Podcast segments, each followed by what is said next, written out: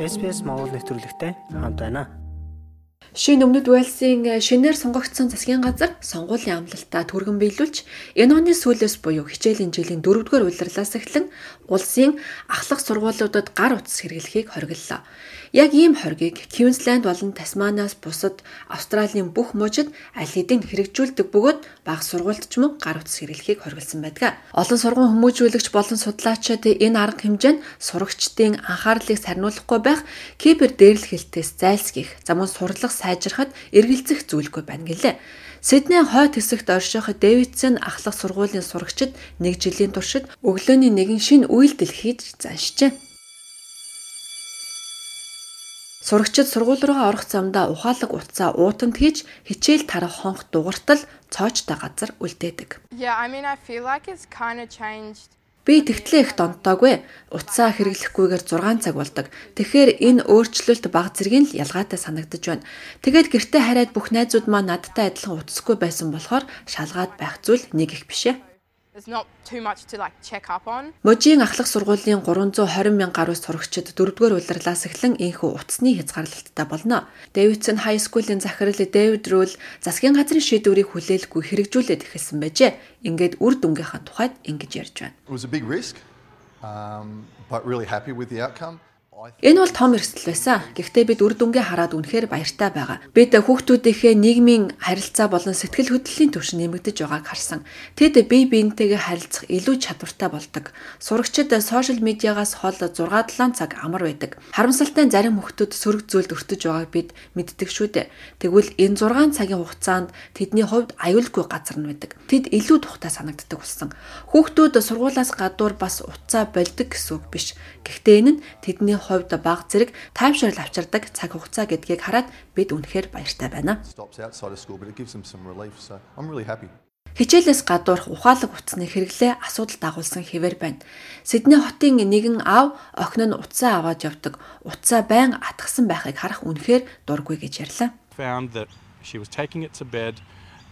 Зүүлийн үед бид түүнийг уцаа аваад орондоо орж байгааг олж мэдсэн. Тэр өмнөх шигээ хичээл тарсны дараа гэр бүлтэйгээ харьцаа болж уцандаа бүрэн гүйцэд автсан байсан. Тэр урдыг шигээ ном их уншдаггүй. Зүгээр л анхаарлыг нь сарниулах тохиолдол байн байн ирж дугарч байдаг. Энэ аавыг Дэни Элач гэдгээ тэрээр бусад эцэг эхчүүдэд хандаж heads up гэдэг хөдөлгөөн эхлүүлжээ. We thought one good way of Бид утасгүй сошиал медиа хэрэглээгүй ертөнцид бүрэн ганцаараа биш гэдгийг нь ойлгуулж энэ нь илүү тухтай тайван байх болно гэдгийг хүүхдүүдэд ойлгуулахыг хичээдэг. Нэг ангид цөөнч гэсэн хідэн хүүхдүүдийг хамруулахыг эрмэлзэж байна. Бид үүнийг хийж чадсан.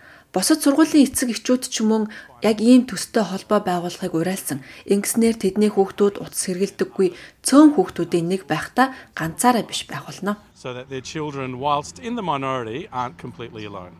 Нөгөө талд хүүхдүүд утасны хэрэглээгээ өөрсдөө зохицуулж сурах ёстой гэж үзэх хүмүүс бий.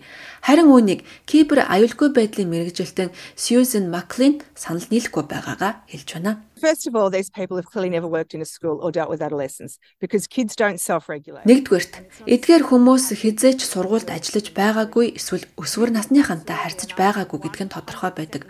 Хүүхдүүд өөрийгөө зохицуулах чадваргүй. Энэ нь үнэхээр сургах чадвар биш Тэд үүнийг төлөвшсөн үедээ л суралцна. Тэд үүнийг хийж чадна. Би технологийн хүндэтгэлтэй хариуцлагатай хэрэглээний талаар кибер аюулгүй байдлын мэрэгжилтнүүдийн сургалтыг 100% дэмждэг. Гэхдээ хүүхдүүдэд хүссэн үедээ төхөөрөмж дээр хүссэн зүйлээ хийхийг зөвшөөрөх нь тийм ч сайн туршлага биш. Мөн энэ нь тэдний ирээдүйд сайрнаа нөлөөлөхгүй is not good practice and it is not setting them up for the future. Дэлхийн хэмжээнд хэд хэдэн улс орон яг ийм хоргийг тавьсан байдаг. Испани, Английн судалгаагаар сурагчдын сайн сайхан байдал нэмэгдэж, бинэ дээрлэх нь буурсан. За тэрч байтгай сурлагын үр дүнд эерэг нөлөөтэй болохыг харуулсан байна. Нийгмийн эрүүл мэндийн судлаач Сара Абрахамсон Норвегийн дунд сургуулиудын асуудлыг судалжээ. So I mean I think like all uh, teenagers will hate me for saying this but Тэгэхээр өсвөр насныхан бүгд намайг ингэж хэлсний төлөө үзий ядах байх гэж бодож байна. Гэхдээ би судалгааны явцдаа хоргийг илүү хатуу тавих тусам сурлагын үр дүн сайн гарч байгааг олж мэдсэн. Октын шалгалтын оноонд хамгийн их нөлөөсөн. Тэдний математикийн хичээл сайжирч байгааг бид харсан. Бинэ дээрлэх нь багассан.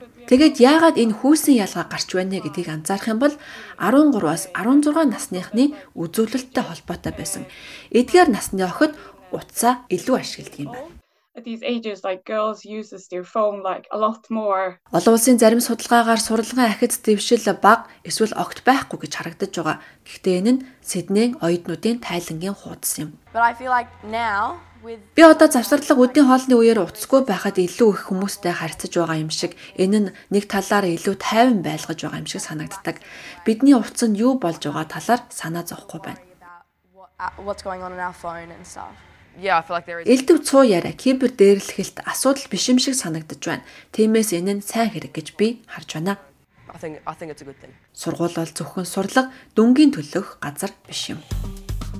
Лайк, share, comment үлдээгээрэй. SBS Монгол Facebook хуудсыг дагахаа мартаоцай.